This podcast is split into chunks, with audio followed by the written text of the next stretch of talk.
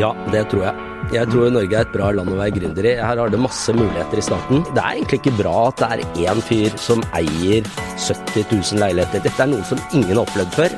Ingen eksperter kan spå om fremtiden lenger pga. dette. Eller jeg hører sytekor eh, nå under korona. Altså, vi har korona hele tiden. Det er liksom eh, Og det er ingen som stiller opp.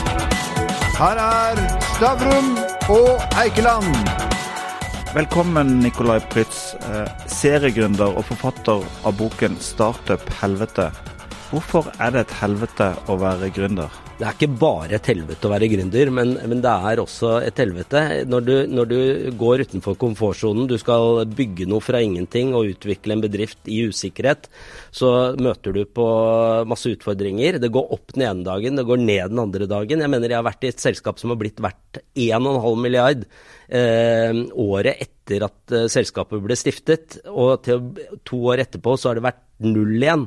Uh, og, og, sånn er det i gründer. Og det, jeg har opplevd det flere ganger, sånne turer som går plutselig opp, og så snakker alle om deg, og du får masse invitasjoner i posten, og alt er flott, og så går det, raser det ned igjen. Og, og, og, da er det liksom, når du har det sånn, så må du prøve å finne en eller annen balanse i hverdagen, ellers så kan det bli et helvete. Og for meg så har det vært sånn at det er opplevelsen og erfaringene du får da underveis, som, som er eh, på en måte det veldig verdifulle. Og, så, og, så, og, det er det, for du lærer av alt du opplever. Og så er det sånn at eh, erfaringen du har, blir, blir god til slutt. Hvordan var det å være familiefar, ha jobba tre og et halvt år, og så se alt bare forsvinne? Det er, det er grusomt og, og, vanskelig, for samtidig så du, du har jo du, når du går i møter f.eks., sånn som vi gjorde hvor, hvor vi skulle bli, ha med advokater, og vi skal sitte der, og Telenor har med advokater, og hvor jeg skal prøve å få, få de til å forstå at, uh, at, hvis ikke vi finner en løsning, så, så, har det kjempealvorlige konsekvenser for meg. Uansett, altså dette, vi har advokater som sier at dette er veldig nært det som er ulovlig. Veldig nært uh, det som er ulovlig. Eh, og vi har advokater som sier at dette er ulovlig. Så, så uansett så er det da råttent. Og, og, spørsmålet er om man kan leve med det når man glorifiserer det i festtaler, og, og, og, man kan leve med det senere. Du, så jeg ble veldig sånn, Man blir jo litt sånn følelsesmessig engasjert, samtidig som du skal prøve å ikke være det i, i disse møtene. Da er det reglene som teller, holdt jeg på å si. Så det er, det er veldig Det er men, kjempevanskelig. Men, men, altså, hvis man ikke er manisk depressiv, så blir man jo det av å være gründer, skulle jeg tro. Altså, du har jo vært med på Global Money Games, du var med på Co-shopper. Altså, dette var jo begge selskaper som gikk i stor verdi, og noen tjente jo vanvittig mye penger på det. Og så gikk det til helvete, begge to. Eh, og du var med både opp og ned eh, og sånt. altså du blir jo gal av det, gjør du ikke det? Jo, men begge to gikk ikke til helvete. Altså, okay. det, det, det, første selskapet ble avviklet. Da hadde, hadde Global Money Games hadde 2,5 millioner kroner på kontoen sin når avviklingsstyret bestemte at disse pengene skal doneres da til eh, Oslo Computer i Oslo-skolen. Så det var en veldig sånn ryddig, ryddig prosess. Tjente du penger på det? Nei, jeg tjente ikke en krone på det. Dan Børge Akerød gjorde det? Dan Børge Akerø og mange rekke andre tjente masse penger på det. Ja, ja. Uh, og, og, er, og, det er litt forståelig òg, for uh, i gründerlivet så går alt opp og ned ganske fort, ikke sant? og i finansmarkedene òg. Så dette var jo da internett var veldig tidlig, og jeg husker veldig godt når eh, Dan Børge Akerø solgte de aksjene. Eh, da ville alle meglerne at han skulle selge aksjer, sånn at andre kunne få kjøpt. For det var så mange som ville kjøpe. Så han solgte en liten del. Han solgte ikke alle, han solgte en liten del. Men for den lille delen så fikk han plutselig fryktelig mye penger. Ja, var det ikke sånn 15 pluss minus millioner? Ja, Det må du spørre han om, men det var vel noe sånt noe. Og, og, og, og, det er jo fristende, samtidig som eh, han visste jo ikke om han gjorde en god eller dårlig deal. Altså Dette kunne jo bli mye, mye mer verdt òg, for hans del. Men han fikk eh, det jeg mener er litt sånn eh, Ok, det er ikke bra når du er i gründerteamet å selge aksjer, det har vi jo lært alle sammen, også han, men, eh, men sikkert. Men, men, men da, da, var det veldig etterspørsel etter det, og det var en liten del som han solgte faktisk aksjene sine. Men det Ole beskriver er jo på en måte at du, du er jo midt i, en, midt i, et, i en, et, valg mellom en drøm om at du kan tjene hundreder av millioner kroner, Mm. og en realitet hvor du kan tape alt i løpet av kort tid. Ja, det er jo det er en forferdelig som- vanskelig situasjon å være i. Ja, det er en vanskelig situasjon, og det er jo sånn jeg husker veldig godt når Corshopper hadde fullført sin emisjon, eller da når vi hentet penger da av investorer, så hadde vi hentet 100 millioner kroner, og, og hadde det på bok, og dette var i januar 2000. Og så, og, og så kom jo dotcom-krisen i februar 2000. Og da kunne jo vi, hvis vi hadde vært eh, smarte i dag, så hadde vi sagt at eh, nå passer vi på de pengene, og så bruker vi de i Skandinavia. Eh, vi implementerte da eh, noe, som heter, noe som het McKinseys landgrabbing-strategi. Så i løpet av i, i, I løpet av åtte måneder så hadde vi 110 ansatte i 15 markeder med 39 selskaper. Og konsulentregning til McKinsey på Nei, men, men, men da hadde vi en avtale som var ganske fin med de, hvor de, hadde, hvor de fikk aksjer. Og, så vi, de fikk en del aksjer. Vi var vel et av de eneste selskapene hvor vi gjorde en sånn aksjedeal med de òg. Men de tjente jo penger på dette. De, det er helt åpenbart at de gjorde litt uh, cash òg. Men, men det interessante med Coshopper var at det gikk heller ikke til helvete, men vi var nødt til å endre mye underveis. Det startet jo med e-handel, jo flere som gikk sammen, så presset du prisen ned. Og så så vi at det ville ta så lang tid å få volum på det til å tjene masse penger. Og så, så, vi, så vi ville gå konkurs hvis ikke vi sa opp ansatte, la ned land og ryddet opp og gjorde noe annet. Og så kom Statoil Fuel Retail til oss og trengte et webbasert, balansert målstyringssystem som ikke har noe med e-handel å gjøre i det hele tatt. Og så tok vi det oppdraget for å teste det, og vi greide jo å levere fantastisk til de, og tjente mer penger på det enn global e-handel. Og, og vi, selv om vi, og Coshopper var største nettbutikk i Norge i 2001, i privatmarkedet. Men, men vi, vi endte med å bli et programvareselskap, skiftet navn til Kotec, og solgte e-handelsløsninger og programvare. Så du tjente penger på dette? Og så, ja, og så endret Coshopper navn til deltaker pga. et samarbeid som vi fikk med DNB. Vi hadde DNB som største aksjonær og viktigste samarbeidspartner i de elleve årene jeg ledet det. Og, og endret navn da til deltaker, og, og som er eh, et av de ledende manage, eller sånn eh, event, eh, organiseringsbaserte, webbaserte programmer som, som du har i dag. Men beskriver ikke du egentlig noe som er ganske typisk? Da Nettavisen ble starta, så den opprinnelige ideen til Nettavisen var at det skulle være en abonnementsavis.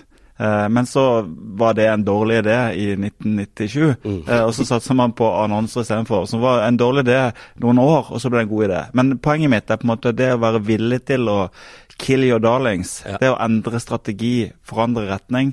Det må du kunne hvis du skal være gründer. Ja, du blir tvunget til det, og hvis ikke du gjør det, så går det galt. Eh, Så, så ofte så blir du tvunget til det. Se på YouTube, startet som en lokasjonsdating-app. Og YouTube er jo det helt annet i dag, og det kryr av eksempler på det. Mange mange selskaper som er store, som startet som noe helt annet enn det. Klarer gründere det? Jeg skulle tro at de var forelska i sin egen idé, så de aldri ville gi slipp på den ideen de hadde. Ja, men ofte så er det jo sånn at eh, det er derfor det går galt òg. og det er fordi at man tror denne ideen skal skape mirakler, og så skjer det ikke. Og så gir man ikke opp, og så og til slutt så går det galt. Men, men når du først har begynt å være gründer, så er, så er du jo bitt av basillen. Og, og jeg har lest litt i boka, ikke lest hele, men jeg har lest litt i boka di. Eh, Og jeg, jeg Er det første at boka du har lest? Nei, jeg har lest den der om Alex Ferguson også. Nei. da. Men, men, men, men eh, og, og der beskriver du jo hvor, hvor, hvor tøft det var i 2017. Når uh, du tapte saken, det var rett før jul. uh, du fikk beskjeden, du måtte gå ut og lese den 34 siden og hoppe rett til konklusjonen og sånt nå. Du har nå vært gründer i over 20 år, 25 år, og du sitter igjen nå nesten blakk. Sånn som hvis jeg forstår deg det er rett, hvis ikke det har skjedd noe det siste året. Ja, ja. Er ikke det et eh, bevis på at det er et helvete å være gründer? Altså Det er veldig få som klarer å lykkes. Og du har vært en relativt dyktig gründer på veldig mange områder. Men Ja. fortsatt så sitter du der.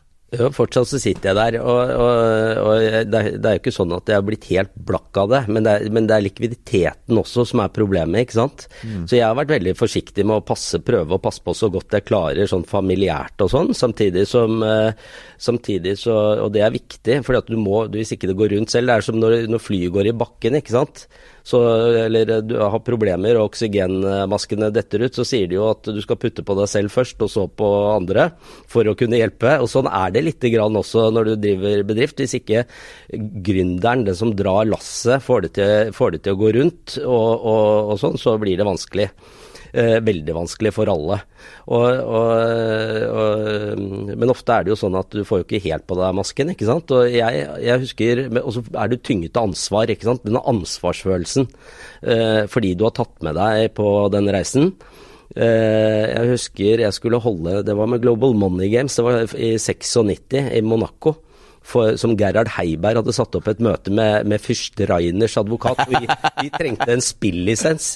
Vi, og, og, og, da skulle vi holde presentasjon, og da var jeg så nervøs, husker jeg. Det var, jeg hadde ikke merket det på forhånd, men jeg begynte å merke det før det møtet.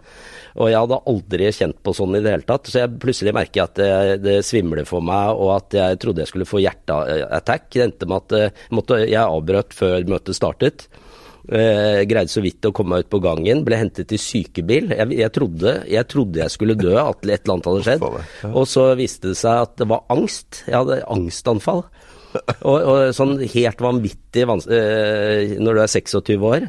Eh, og de sa at dette er normalt. Og, det, og, jeg kjente jo på disse rare Alt dette følelsessaken du, du, Alt blir forsterket veldig mye, da. Så du, du, er redd og lei deg om hverandre i en skala som du ikke har kjent på før. Hva skjedde? Eh, Fikk nei, Det som skjedde var at jeg fikk høre at det var normalt. Og så tenkte jeg at dette er ikke normalt i det hele tatt. Og så eh, fikk jeg med meg en pilleeske. Eh, og så måtte jeg ta piller, sa doktoren. Eh, og så og så, nei, jeg sleit med det i 15 år. Jeg brukte, kastet pilleesken etter to uker, for jeg ville ikke gå på sånne piller. Eh, og så, og så jeg, måtte jeg bare tilpasse meg. Jeg kunne gå inn i et møte hvis det var plutselig jeg skulle, trodde jeg skulle møte én bankdirektør i DNB, og så satt det ni der. Og, og, så kunne jeg få at, merket at halsen strupet seg, og at jeg trengte å gå ut. Jeg lærte meg teknikker pusteteknikker og sånne ting, så jeg trengte bare litt, et minutt for meg selv og samle meg og sånne ting. Og så forklarte jeg, forklar, var jeg åpen om eh, at jeg har, har tendens til angstanfall av og til. Så jeg måtte bare, Men det er, det er jo ordentlig kjipt uh, å, å, leve med å ha. Uh, det jeg gikk over når jeg skulle helt i 2012. Da var jeg på tur til Myanmar med Kjell Magne Bondevik, hvor vi skulle møte presidenten i Myanmar, han gamle generalen og alle ministerne hans, i, i palasset i Napidå, hovedstaden. Og så tenkte jeg at vi kjørte opp en sånn uh, stor allé til det presidentpalasset. 21 filer i hver retning, og sånn, om folk med maskinpistoler og sånn. Uh, og så tenkte jeg hvis dette går bra, så uh, ikke får angstanfall her. Og det er kanskje ikke det beste stedet å få det heller, så bare, bare av det så, så, burde det jo blitt utløst. Men det gikk greit. Det sier, men det sier litt om direktøren i DNB, da. At du fikk angstanfall av de. Men... nei, men, ja, nei, det var det ikke. Men det var, det, dette ut, poenget er at det startet i 96 og varte i 15 år ca. Men hva skjedde på Monaco? Vi må vite hva. Fikk du pengene, fikk du kontrakten, hva skjedde? Nei, det som skjedde var at eh, det som skjedde, Ja, vi fikk en god prosess eh, ja. i Monaco, men vi endte med å etablere selskapet i Sveits, hvor vi fikk en eh, lisens. og Det var pga. at uh, spillets natur var kunnskapsspill, det var, du skulle vedde på aksjemarkedet, hvordan selskapene i forskjellige aksjemarkeder gjorde det. og Vi tenkte at når vi fikk lisensen i Sveits, så var det litt bedre enn kasinobyen Monaco. men du, nå skal ikke, selv om alle historier liksom fortjener, eller krever at folk har gjort det forferdelig dårlig. Så skal jeg si at Sist gang jeg traff deg, så var det i Marbella. Og det er ingenting som tyder på at du er fullstendig blakk. Men jeg har møtt mange gründere i mitt liv. Ofte så er det sånn at eh, det er flaks og uflaks også, hvem, det, hvem som lykkes. Eh, og eh, hadde du hatt flaks, så hadde du jo vært milliardær i dag. Og det er du ikke. Nei, og, det, kunne, og det, det, er jo sånn uh, ofte det, det, som er gøy å se òg, det er jo jeg, jeg, har tenkt sånn at uh, den boken jeg, jeg, har gitt ut nå, den hadde ikke blitt til hadde, ikke, hadde jeg vært milliardær, antagelig. Ikke sant? Da hadde ikke jeg skrevet boken 'Startup-helvete'. Startup jeg skrev boka. Startup-himmelen. Ja. Nei, og, og, nei, poenget er at det, er, det jeg satt med etter Telenor, var egentlig at ok, det eneste noen ingen kan ta, ta fra deg noen gang, det er jo erfaringene dine og opplevelsene du har. Det, og det er også det som gir deg ditt unike perspektiv når du skal møte med andre og drive med fornyelse og innovasjon. Og så, tenkte jeg at eh, det er så viktig. Verden kommer til å endre seg så utrolig mye de neste fem og ti årene. Vi tror liksom utviklingen har gått kjapt siden Nettavisen ble startet og frem til i dag, men det er ingenting kontra det som skjer de neste fem og ti årene. Om fem år så er vi 32 ganger mer teknologisk avansert enn i dag. Om, om 10 år er vi 1042 ganger mer teknologisk avansert. Om 20 år så er vi en milliard ganger mer teknologisk avansert. Så dette er eksponentielt og utfordrer alle bedrifter i Norge. Så jeg tenkte sånn at uh, dette er noe som ingen har opplevd før. Ingen eksperter kan spå om fremtiden lenger pga. dette. Du har digitale transformasjonen, du har eh, det grønne skiftet, og så har du, og så har du teknologiske fremskrittene som er helt hinsides. Og da, da, må, da opererer etter hvert alle selskaper i usikkerhet. Og litt av den lærdommen som vi har hatt, som er vant til å jobbe med bedrifter som går opp den ene dagen og ned den andre og, og, og sånn. Altså jeg mener når jeg hører sytekor eh, nå under korona, altså vi har korona hele tiden. Det er liksom eh, Og det er ingen som stiller opp. Vi har et arbeid å gjøre, både på å øke forståelsen for hva som kreves å bygge under, fra ingenting, og, og gi usikkerhet, og hvor viktig det er. Google-sjefen i Norge pleide å si før at hvis du føler at verden er ekstremt digital nå, at utviklingen går fort, så skal skal du vite at den dagen i dag er den minst digitale dagen i resten av livet ditt. Og utviklinga har aldri gått så seint som den går i dag i forhold til resten av livet ditt. Ja. Men eh, tilbake liksom eh, til, til, det jordnære. For når du, når du drev på, som verst, og du bodde i Marbella, og du drev eh, business i London og i Norge, da hadde du noen arbeidsdager som var helt sinnssyke. Kan du beskrive når du dro hjemmefra og når du kom hjem? Sånn, men det har jeg hatt mange ganger. Jeg hadde startet med, med Kotec eh, og deltaker, altså det selskapet der, som fikk en avtale med Fotballforbundet i England. Og vi slet litt i Norge eh, med å få volumet opp. Og så greide jeg å få en avtale med verdens største eh, sportsorganisasjon. Da hadde jeg to små barn hjemme når den avtalen ble skrevet. som var liksom, Én var nyfødt og én var to år. Eh, og så, og så eh, jeg, foreslår jeg for styret at eh, jeg tar med meg familien og flytter over, og så bygger vi eh, England, for det er så mye større volum. Altså, jeg mener, fot, bare Fotballforbundet i England er tolv ganger størrelsen til Norges idrettsforbund. Det er 12,5 millioner medlemmer der. Mm. Eh, så det var jo et sinnssykt potensial. Eh, styret mente vi skulle ta Drammen og Asker før vi tok eh, Bergen og sånn. Og det er jo greit, det er en eh, beslutning, men det førte til at jeg ble pendlende da mellom England og Norge i flere år. Hvor, og da, det er sånn, da står du opp, og du, du skal jo fly billigst som gründer og, og, i den fasen der. Så vi sto jo opp da fire og dro på, på Gardermoen og tok det tidligste flyet over til Stansted og, og tog til London. Og så, og så, var det møter og sånn gjennom dagen, og så var det tilbake igjen på kvelden. Og så kom vi hjem da ved halv to-tiden, ett-tiden. Var vi heldige, så var det liksom var klokken tolv. Men ofte litt for forsinkelser og sånn, så det ble ofte halv to også. Og sånn holdt jeg på sånn annenhver dag. Søvn. Ja, ofte bare et par timers søvn. Og, og så hadde vi også ikke sant? Så, så, har man jo også barn som eh, Jeg hadde en sønn som våknet, satt og ventet på at teletubbisene skulle starte på TV ikke sant? klokken seks. Så det var liksom men, men, man lærer seg jo, og, og vi samarbeidet jo med om, om, om dette i familien og sånn for å få det til å gå rundt. Men du går på felgen ofte i lange perioder, altså, og, og for lenge. Tror du det er ofte at gründere får bekymringsmeldinger til barnevernet? Nei, jeg hadde vi, vi, men, men, det er også en greie, da. At når, sånn som vi, og Det blir man sikkert ofte kritisert for. Jeg kjenner flere som har organisert seg sånn. Og det er jo at det hadde ikke gått for oss hvis begge hadde jobbet. Og sånn at eh, Jeg og min kone vi traff hverandre på jobben, og så bestemte vi oss for å, at hun ikke skulle jobbe, og at jeg skulle jobbe. Og, og, så hun var hjemme med barna, og jeg jobbet. Så det, det var jo avlastingen. Men på den annen side, da når, når, det går galt med meg, så går det jo galt. Da går jo alt galt. Det er, noe, det er ingen andre som da Så det er liksom sånn eh, Og det er jo risikoen eh, mange må ta for å få det til å gå i hop, rett og slett. Og ikke havne hos barnevernet, som ingen vil. Men, men, hvis vi ser på det norske gründermiljøet og sånt, er det, er, det, er det, lett å være gründer i Norge? Er, er, Norge et bra land å være gründer i? Mm. Ja, det tror jeg. Jeg tror mm. Norge er et bra land å være gründer i. Her har det masse muligheter i starten. Eh, du har eh, det å komme i gang og bevise, du må være en smart strategi for det. Men, men sånn som nå, så har du jo eh, Innovasjon Norge Det hadde jo ikke når jeg startet som gründer. Da var det ikke noe Innovasjon Norge og offentlige som, eh, som ga deg penger. Nå var jeg på et gründerseminar for ikke så lenge siden hvor, hvor de skrøt at nå som mange blir arbeidsløse, så er det jo bra å ha Innovasjon Norge. Og så tenker jeg sånn, jeg tror det, Vi skal være litt varsomme med det òg, for det er, gründerskap er ikke for alle. Og, og Innovasjon Norge skal heller ikke være et slags nav Nav med noen som har en sånn halvgod idé heller, på en måte. Det skal jo gå til faktisk verdiskapning og skape resultater langsiktig. Så de stakkarene nå som er uten eh, jobb som følge av korona osv., de skal tenke seg nøye om hvis det, det er gründerveien de ønsker å, å, gå? Ja, man skal alltid tenke seg nøye om og planlegge godt når man skal starte noe sånn. Det er fornuftig å gjøre. Uh, og, og, og, man skal heller ikke være redd for det, for det er fantastisk å få det. Du må ha pågangsmot, stayerevne. Uh, og, og, jeg mener det er jo gründerskap som bringer verden fremover. Uh, vi ser det nå på sant, De store bedriftene de er veldig gode på sånn inkrementell innovasjon. Altså skritt for skritt? Ja, skritt for skritt. Gjøre et mm. produkt litt bedre. Mm. Uh, men det de er innmari dårlige på, er å skape helt nye forretningsmodeller og nye tjenester.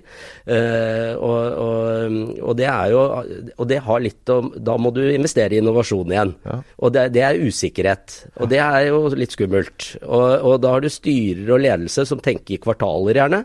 De er på børs og tenker kvartaler, og, og, og så blir det litt sånn late som jeg er innovativ uh, du gjør, men det er ikke en reelle uh, Du griper ikke de reelle mulighetene som dagens uh, teknologi og sånn muliggjør da, i de store bedriftene. Og det er litt leit, leit å se, for de kunne gjort så men, mye mer. Men, men, Det er morsomt det du sier der, for at, jeg tenker litt, for jeg jobba mye med tidligfastselskap sjøl. Og, og, det jeg ser nå, er jo at noen av de jeg jobber med nå, akkurat nå, de, de har nå Teams-møter Teams-møter med Silicon Valley, de har teamsmøter med selskaper i Asia osv. Dette er store giganter som har egne venture-deler, eh, hvor de investerer i startups, om det er i lille Norge eller whatever. De leter og finner de.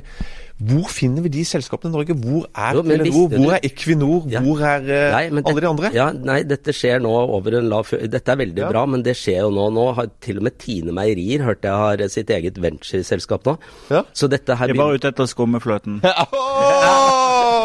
Nei, men, men dette, er, dette, er, utrolig Dette er, kjempe, dette er kjempe, kjempepositivt. Det er veldig mange som, som tror at store, disse store selskapene bør, eh, bør eh, liksom tenke som et oppstartsselskap og få startup-mentalitet og sånn. Mens eh, jeg leste nå at, og det tror jeg er smartere, at de tenker mer som en, et ventureselskap, venture-investeringsselskap, hvor du allokerer ressursene dine litt, litt smart i forhold til at verden endrer seg, og du vet ikke om forretningsmodellen din er bærekraftig om 5-10 år. Faktisk så svarer nå 90% av topplederne i Europa at ikke de vet om deres forretningsmodell er bærekraftig om 5-10 år. De, de Sigve Brekke? Han har sagt det. Ja, han har sagt at det er ikke sikkert vi er her om ti år. Det, ja, det er jo den samme måten. Og det er jeg helt enig med Sigve Brekke om. Så, så. Du er hevngjerrig. Men du, hvis, du skulle vært, eh, hvis du skulle vært investor og skulle vurdert ulike gründere, ville du da satt vært opptatt av ideen eller personen? Ja, litt begge deler. er begge deler helt nødvendig? Ja, begge deler er helt nødvendig. Uh, med, mindre du stjeler ideen. men, begge, men, begge, deler er helt nødvendig. Eh, sånn at eh, jeg, du, du, må ha, eh, du, må ha, noen sånne det, det, som jeg anbefaler, da, litt, grann, det er jo å se på hva er det man har gjort før. Liksom. Man har en tendens til å gjenta litt grann, eh, av de tingene man har gjort tidligere. Eh, så, så, det som uh, hvis, man, hvis, man, hvis, man, har evnet å gjøre litt sånne, gå litt utenfor uh, stien, gjort, tatt litt initiativ, vist litt lederskap og sånne ting, så, så er, er, det positivt. Funnet på noe smart og sånn.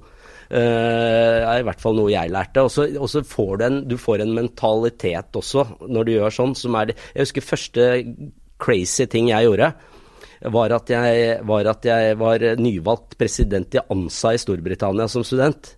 Og så var dette i 94, og så var det EU-avstemning i Norge. Og så skulle vi finne ut hva vi skulle gjøre med studentene, fordi vi måtte ha et event i året. Og så et arrangement, og det var gjerne en fest eller noe. Og så tenkte jeg at nei, vi flytter EU-debatten fra eh, Norge til EU. Uh, alle partilederne og ja-nei-lederne og alt sammen flytter vi over. Og så lagde vi en plan på det, og fikk med meg styret på det. Og, og, og, så og, så alle sa at glem det, liksom, av de eh, du har, har rundt deg. At det, det, får du ikke til. Men, men det endte med et fullt, fullstappet Bråten Safe-fly, som var sponset av NHO. Hvor eh, hvis det hadde gått ned, så hadde det ikke vært noe e-debatt når de kom til. Så det var liksom stappa fulle med partiledere og ministre og alt som er. Og, og vi og var 500 mennesker i Newcastle som, eh, som avga forhåndsstemmer, og studenter, og, og, best, fikk terningkast seks i VG på beste gjennomførte EU-arrangement. Og det er litt kult uh, når du er liksom uh, 20-årene, begynnelsen av 20-årene, og, ser at du får til noe som alle trodde var umulig, og selv kanskje du også lite grann, men, men, du bare gjorde det, og så, og så, gikk det. Så jeg tenker at det, uansett hva det er, da, med en sånn opplevelse liksom hos en person, det er derfor man skal dyttes litt ut, tenker jeg, når du er ung også, i litt sånne utenfor komfortsonen-situasjoner. Jeg tror det er bra. Jeg tror, jeg tror, ingen vil si at ikke du er energisk. Men jeg har lyst til å utfordre deg på akkurat det med ideene. For Hvis du ser på de gründerne som har gjort det veldig bra i Norge. Jon Fredriksen, Kjell Inge Røkke eh, Eilert Hannåa. Eller Hannåa, det Han er litt unntak i forhold til min argumentasjon. da, Men eh, eh, han Ivar Tollefsen, sant? Mm. så er det jo jækla enkle ideer. Uh, og de, de, har ikke funnet på noe utrolig smart. De har, de har lagd butikkjeder, hotellkjeder og kjøpesenterkjeder. og de har uh, Altså, de norske gründerne har jo jaggu ikke gått på NTNU. Nei. Du har, du, du har hørt om Askeladden? Ja. og det, de, de, er jo blitt kjempepopulære i dag. Og det, de, de, finner heller ikke opp sånn kjempekrutt. Nei. Det er ikke liksom sånn helt superavanserte greier. Det de gjør nå, er jo at de går inn i industrier som er ganske tradisjonelle, og så gjør de ting på en litt smartere måte. Stiller litt sånne utfordrende spørsmål som ingen har gjort før. F.eks. går inn på et legekontor og sier at 'hvorfor gjør dere det sånn'? Så sier de nei, det, sånn var det når jeg begynte her, og sånn har det alltid vært her. Og ingen har egentlig noen forklaring på hvorfor. Og, og, jeg hørte et foredrag på DNB Next av han gründeren i Askeladden som var jævlig bra, og, og hvor han for, forklarte denne psykologiske mekanikken, da, eh, som ofte er at eh, hos mennesker òg. Og det var at de hadde aper i et rom, og så hadde de en bananklase. Og så idet en banan prøvde å ta den, så ble de sprøytet ned. Og, sånn at, eh, og, så tok de ut én ape og putta inn en ny. Og når den nye apen da prøvde å gå opp, så ble han jo revet ned av de andre. Mm. Og til slutt så hadde de byttet ut alle apene, sånn at ingen aper hadde blitt spylt. Men, men, og det var ingen som rørte bananklassen, men de visste ikke hvorfor. Kulturen sitter i veggene, på en måte? Kulturen sitter litt i veggene, ikke sant. Sånn at det, det gir jo muligheter for en, en, som tenker litt nytt. Og det er nok det disse gutta har sett, da, som har eh, sånn som eh, innenfor eiendom eller innenfor nå Proptex-eiendom, eh, spill som Eilert Hannå driver med, med, med, hvor du har en læringsplattform. Jon Fredriksen har sikkert gjort det i shipping. Eh, vært litt innovativ, vært litt smart, smartere enn eh, og sett løsninger som ikke de andre har gjort. Samtidig så er det jo den forretningsteften, da. Eh, og at kynismen, tror jeg, i hvert fall på den tiden han gjorde seg rik, skal være ganske kynisk i shipping for å gjøre det bra. Men, men du er inne på noe, for det, jeg syns det er et interessant spørsmål fra, fra, fra Gunnar her. Mm. Og, og, de eh, bransjene han ramsa opp, det var, det var eiendom mye, det var shipping osv. De har alle hatt relativt gunstige skatteordninger og rammevilkår. Tech, børs osv. De har jo ikke det samme. Altså opsjonsbeskatning, du har formuesbeskatning, du har eh, altså Alt rundt. Ja legger vi nok til rette for at vi kan Ok, vi skaper det bra å være gründer, men for å ta det steget videre, da? Nei, vi, vi gjør ikke det. Og, og det, er jo, det, er jo, det vi må gjøre nå. Hvis, hvis vi er opptatt av bærekraft i norsk næringsliv, så, så, må vi gjøre det. Vi er tvunget til å gjøre det. Jeg tror flere og flere politikere begynner å, å se det òg. At de er nødt til å gjøre det. Det er, det er det er et eller annet med at uh, I Norge så har man tradisjon for å investere i betong og stål og eiendom og sånn, og det er vi jævlig gode på. Vi har, er gode på å investere i børsen. Spekulere, forvalte pengene våre, og gjerne så er det mange som har gjort det til en heltidsjobb. Postmenn og taxisjåfører og sånn som gjør det nå og tjent masse penger på det, for alt har gått opp over lang tid. Uh, og, og, det er jo det er liksom blitt, blitt yrke til mange. Og i Europa, men dette er viktig å merke seg, i Europa så er nå eh, det største selskapet Hennessy Moet, Louis Vuitton-gruppen, det er en luksusprodusent. 80% av verdens mest verdifulle selskaper er digitale, datadrevne plattformselskaper.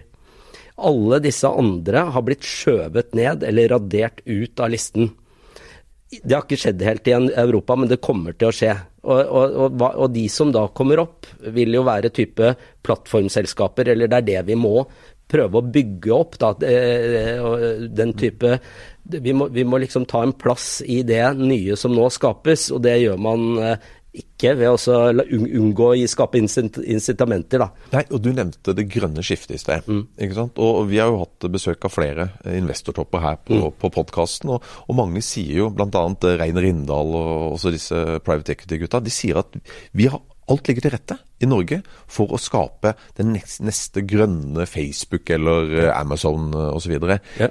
Én, tror du det er mulig? To, hva må gjøres for å få det til? To, to ting. Du må, du må legge til rette sånn at selskapene får vekstkapital når de har bevist litt i markedet og kan vokse. Sånn at de får, får, den kapit, får tilgang på kapital til å vokse. Er sta, gjøre- statlig kapital? Da? Nei, Tenker du sammen med privat kapital? Nei, vi har masse privatkapital i Norge, så vi gjør det, du må gjøre det eh, attraktivt for eh, investorer å, å, å flytte pengene sine fra eiendom og alt dette her, og over på det som er på skaperøkonomien. Det er, det er egentlig ikke bra at det er én fyr som eier 70 000 leiligheter, liksom. Altså, se på, nå er det ingen ungdom som eier sin egen leilighet i Berlin og sånn. Altså, det er egentlig ikke så bra utvikling, hvis vi tenker etter sånn eh, om det er bra eller ikke. Eh, kanskje noen av de pengene som eh, investeres inn i eiendom og sånn i dag, burde kjøres inn i, i, i fremtidens arbeidsplasser. Og, og Det tror jeg er superviktig, og det tror jeg også er viktig for de som er i næringsbygg. Altså Hvis du ser varehandelen før koronakrisen sto i kne stående, helt i knestående. Det er før Amazon begynner å De, de driver og banker på nå. Ja. Eh, De har en litt sånn klønete start, men, de, men det er bare Man skal ikke undervurdere de. de. De kommer kjapt opp og gjør det superbra. Og det er ingen som slår de på logistikk og levering. Og, og, og, så, og, du vet at når du driver en fysisk butikk, så, så har du veldig lave marginer. Og hvis du merker litt, eh, litt nedgang, så er du plutselig under smerteterskelen, holdt jeg på å si, eller over.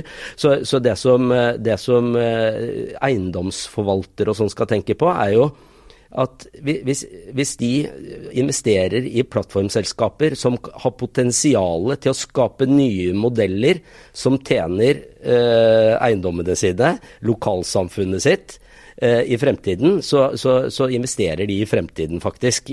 Fordi det, det er ikke sånn at Google har svaret på fremtidens digitale modell, eller Amazon, eller? De har bare vært store nå i 15 år, de.